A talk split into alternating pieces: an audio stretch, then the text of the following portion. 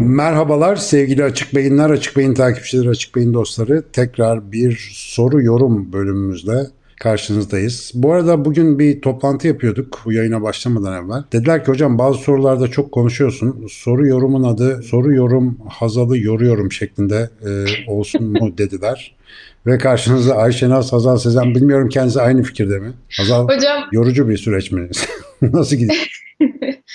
Hocam çok eğlenceli bir yorum gelmiş. Ben yoktum orada da. Hayır, ben çok eğleniyorum. Bir de biliyorsunuz ben dinlemeyi seven biri olduğum için oturur dinlerim ben saatlerce. Hazal'ın konuşması da hiç fena değil. Yakında zaten kendisi coşacak gibi bir his var içimde. YouTube'u sevdi bence. Öyle mi?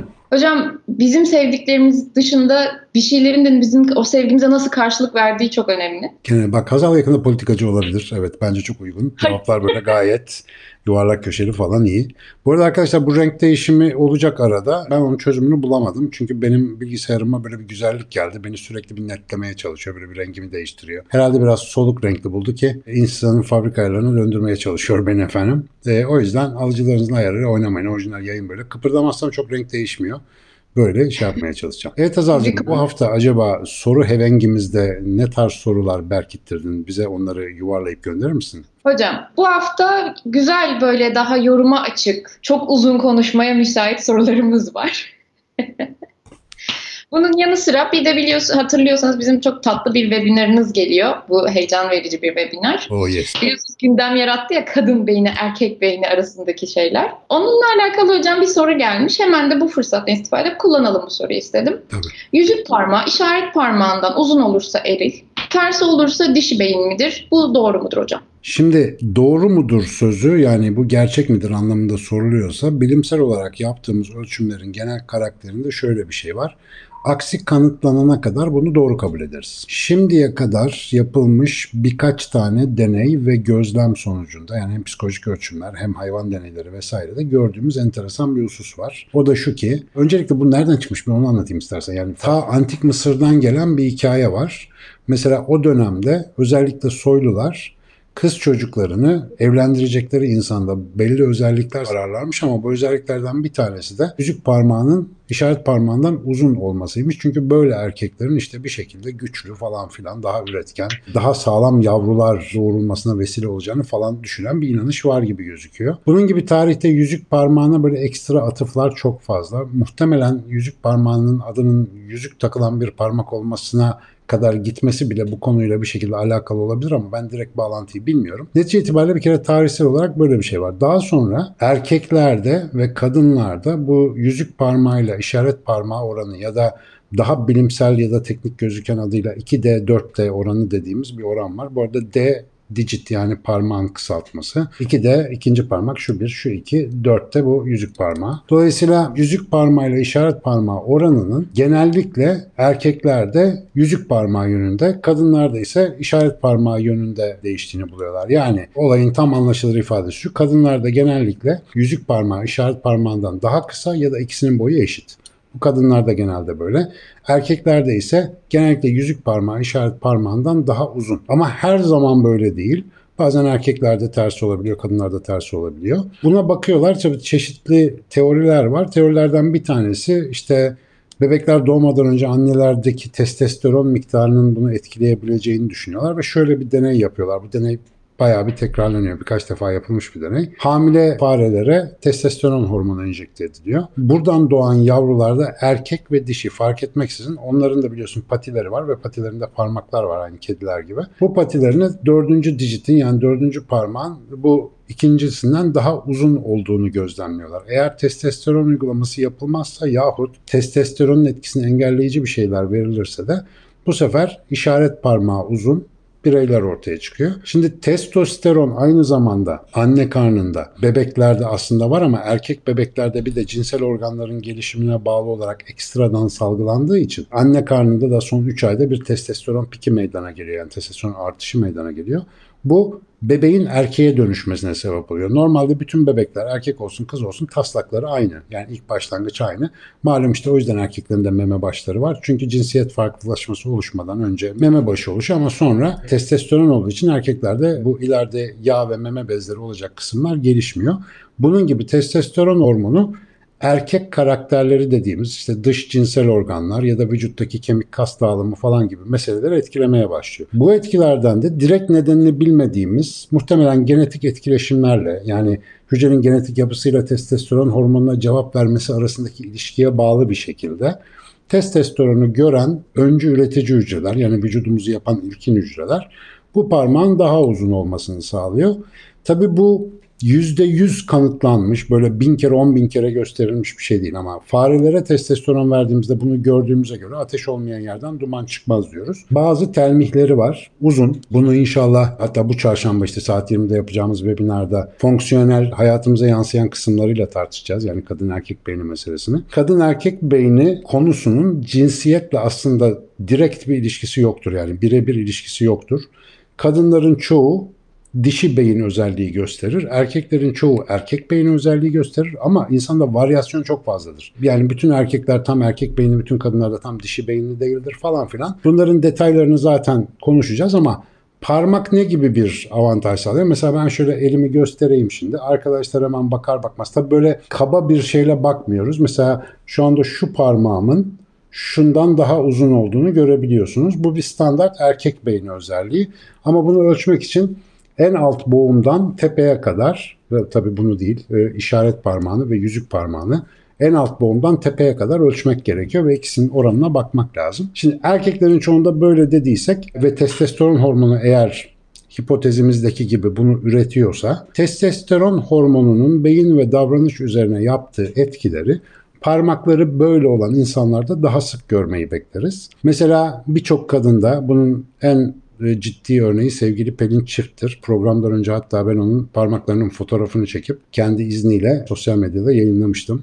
Hakikaten tam erkek beyinli bir kadın. Upu, şöyle upuzundur onun yüzük parmağı. Bu ne anlama geliyor? Pelin Çift gayet de kadın yani onda bir sıkıntı yok. Erkek beyninin düşünme biçimi, iyi ya da zayıf olduğu özellikleri bu tip insanlarda yani bu tip kadınlarda görme ihtimalimiz daha fazla. Hakeza iki parmağı eşit ya da işte bu yüzük parmağı işaret parmağından kısa olan erkeklerde de daha çok kadınlarda görmeye alıştığımız düşünüş biçimlerini görme olasılığımız daha fazla.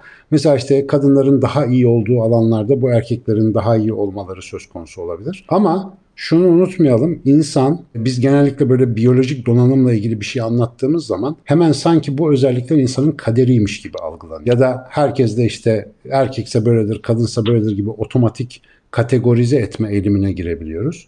İnsanla ilgili hatırlamamız gereken en önemli şey şu. İnsan neredeyse biyolojisi kadar kültürünün, ortamının ve yetiştirilmesinin çocuğudur. Yani insan çok erken doğan bir canlı olarak daha beyin gelişiminin ilk safhalarında dış dünya ile karşılaşır. Hiçbir canlının başına böyle bir şey gelmiyor. Beyin de aşırı gelişmiş olduğu için esas gelişim alanını, esas yapısını tamamlama süreçlerini hep belli bir kültürel vasat içerisinde geçirir ve davranışlarımız da ağırlıklı olarak kültürel kodlarla oluşturulduğu, bazı şeyler diyelim ki erkek olarak doğduk. Erkek cinsiyetine göre kabul edilmiş bazı kalıplar o erkeğe otomatik olarak yükleneceği.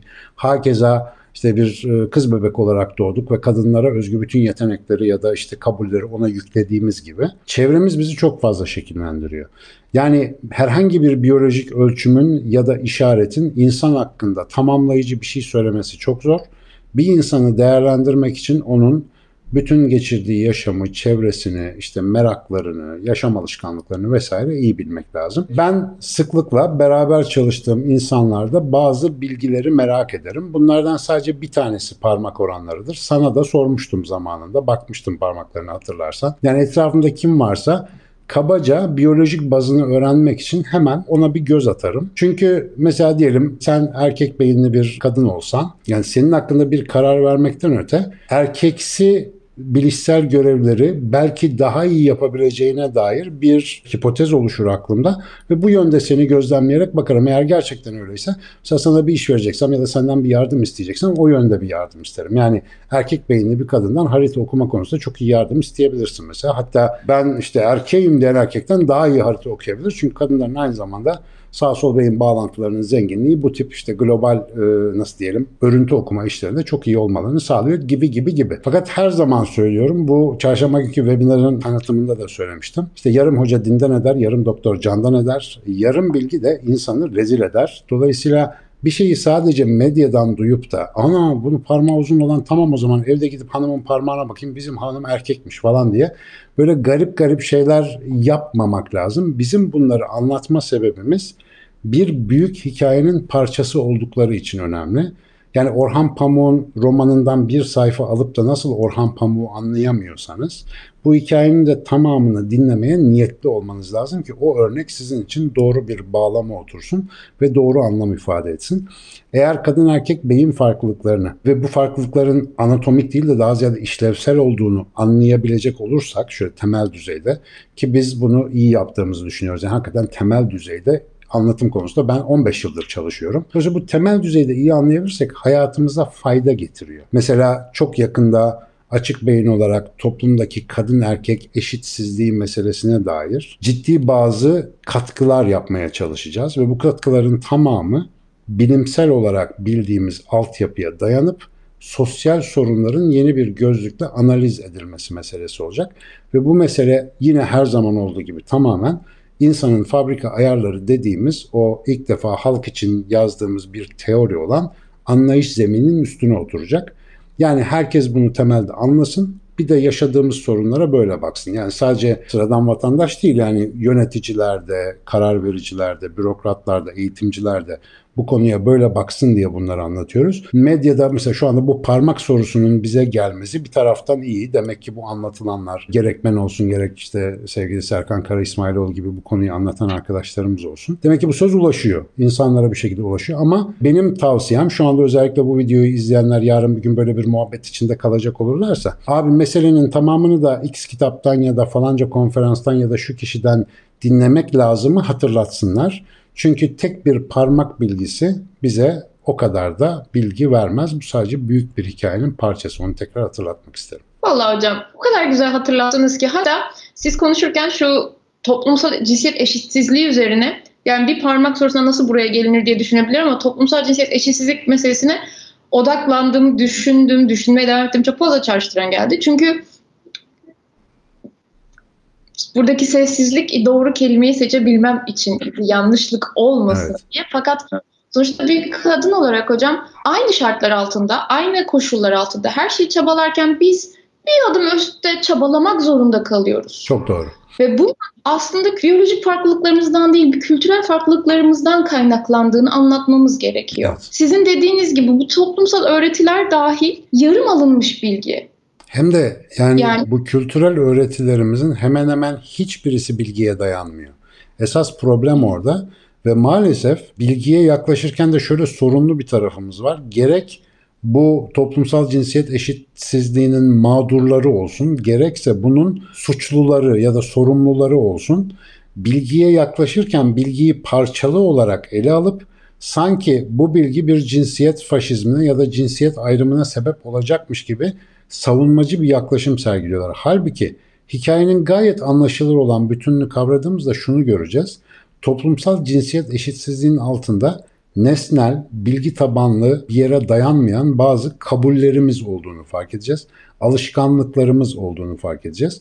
Hatta hatta batıl inançlarımız olduğunu fark edeceğiz. Mesela kadınlar ve erkekler hakkında batıl inançlarımız var. Halbuki yani biyolojinin güzelliği şudur. Biyoloji elbette insanın bütün mekanizmalarını açıklama iddiasında değildir henüz. Yani yeni bir bilimdir nispeten bir 150-200 senelik bir bilimden bahsediyoruz biyoloji dediğimizde ama yani biyolojik bazı anladığınızda bu canlının faaliyetlerini sürdüren temel mekanizmaların mantığını anlamaya başlıyorsunuz. Ve bu mantıktan ne kadar uzak düşerseniz ki günümüzün şehirli insanı bu mantıktan fersah fersah uzaktadır. Doğa görmemektedir çünkü. Bu mantıktan ne kadar uzak düşerseniz o kadar çok ezberinize ve zanlarınıza yapışırsınız. Biz neden mesela kadına şiddet konusunda, toplumsal cinsiyet eşitsizliği konusunda, işte ücret dağılımı problemleri konusunda neden konuşmak istiyoruz? Biz yıllardır bu bilgiyle meşgulüz ve bakıyoruz diyoruz ki biyolojik bazı anladığımız zaman belki de bütün ezberlerimizi gözden geçirmek zorunda kalacağız. Bilginin çok güzel bir tarafı vardır. Ee, Neil deGrasse Tyson'ın sözü. Bilimin çok güzel bir tarafı vardır. İnansanız da inanmasanız da doğrudur yani yapacak bir şey yok. Çünkü bunu herkes bir şekilde dünyanın her yerinde çalışıp gerçekleyebilir. Amacımız biraz bu bilgiyi dolaşıma sokup insanların bunun üzerine düşünmesini sağlamak. Yani işte eksik etek, kız başına, işte kızını bırakırsan ya davulcuya ya zurnacıya gibi hani zararsızmış gibi gözüken zihinsel kodlamaların bizi nerelere getirdiğini ve neden bunlara sarıldığımızı anlamak için de hem biyolojik evrimsel geçmişin hem kültürel evrimsel geçmişin merhalelerini ve mantığını temel düzeyde anlamak lazım. Yani amacımız eğer bu işi çözmek ise, biz çözmek istiyorsak bir şekilde çözeriz.